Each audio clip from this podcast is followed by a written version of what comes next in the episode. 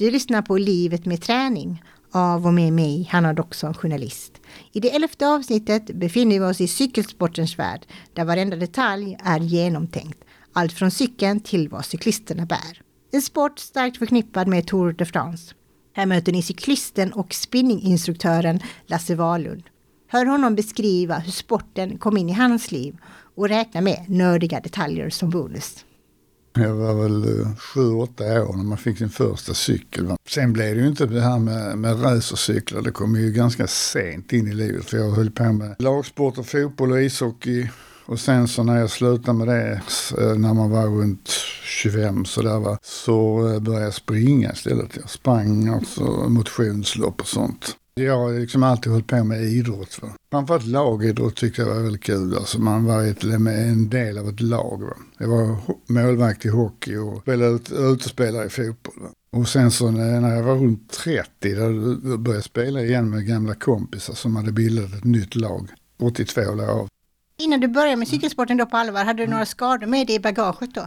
Nej, det hade jag faktiskt inte. Utan eh, det, det bara blev så att eh, det var en kompis till mig. Han hade köpt en tioväxlad Crescent. Det var nämligen så att eh, SAS hade ett erbjudande med amerikanska turister. Att om de flög med SAS hit och, och så, så fick de en cykel, ingick en T-växlad cykel, Crescent-cykel, ingick liksom i deras resa. Och sen så, eh, så var det ju så att när, när de åkte hem så hade de, hade de en massa cyklar. Då var det en cykelhandlare i Malmö, han köpte upp alla de här cyklarna och så sålde han dem ju. Och då köpte jag en sån också.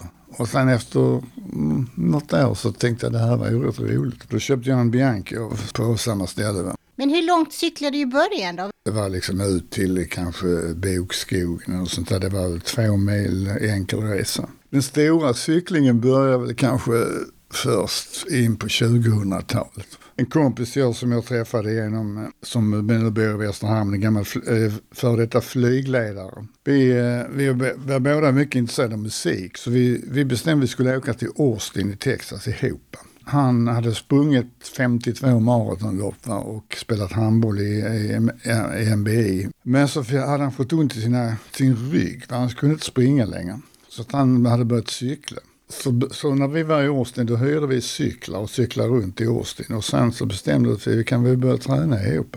För jag hade ju då en, hade en 14-växlad gammal Crescent som eh, hade vunnit SM, just den cykeln. Den kostade 20 000.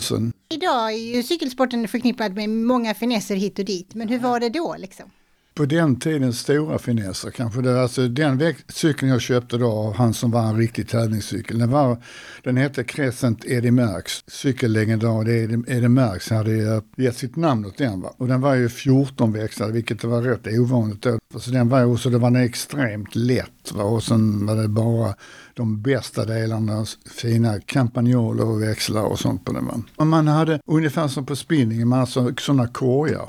Och sen så hade man så kallade spurtklossar i sina skor. Så man liksom kunde liksom, så satt man riktigt fast. Man kunde inte klicka ur. Alltså men körde man och ramlade så brukade de lösa ut. Va? Men det var inte alltid. Va? Så man kunde sitta kvar med fötterna där. Men jag hade ju turen att aldrig ramla. Va? Men jag tänker alltså just när man cyklar, det går ju ganska fort. Snabbaste jag har kört någon gång det är 79,2.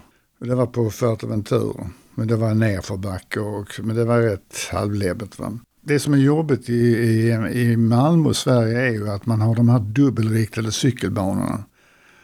Kommer man in till Köpenhamn så märker man att här är det något helt annat. Alltså de, har, de har breda cykelbanor, de har eh, enkelriktade cykelbanor hela och alla som kör fort ligger till vänster, alla som kör lite långsammare ligger till höger. Det finns en jättebra disciplin där inne som som helt saknas här. Det är ingen som håller på och tittar på mobiltelefoner och sånt. Så det, det är ett annat klimat inne i Danmark och det ser man ju till exempel också på när det gäller ehm, um, tävlingscykling. De, de har ju 10-12 man som är med i Tour de France. Motionscyklingen är rätt stor i Sverige idag. Det ser man ju på Vätternrundan och sånt till exempel.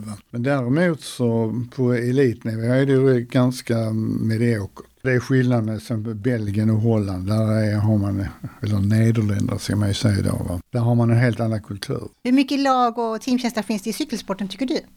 Man kan väl säga så att det är en, de sa det ganska bra igår i tv när de visade, visade um, VM-loppet för damer. Trots att man tävlar individuellt så har man oerhört beroende av ett lag. Man, det gäller liksom att ens lagkamrater tar all vind och så ligger man själv inbäddad. Och sen så och de drar fram en hela tiden. Så det, och det är ganska svårt att förstå om man inte själv cyklar. För just det här med att ligga på rulle som det heter, ligga bakom någon.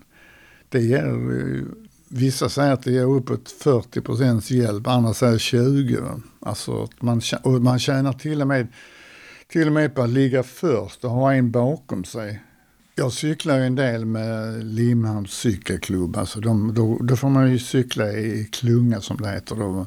Kanske åtta eller tio personer. Va? Och då, då roterar man runt hela tiden så att man, om man tar, liksom, ligger längst fram två gånger så har man sen åtta gånger när man ligger där bak. Va? Det gäller att ha blicken, inte stirra på sitt eget eh, framhjul utan stirra, ha blicken högt upp, ungefär som man åker skidor, titta långt fram. Va? Och så liksom, eh, du liksom förbereder dig på att saker och ting händer, saker och ting ändrar sig. Så att, um, därför brukar man ju dela upp sig, att man, man säger de som cyklar lite fortare och cyklar ihop och de som cyklar lite långsammare och cyklar. Och för att annat, annat fall så blir det ju liksom en obalans. Det blir liksom, folk orkar inte riktigt.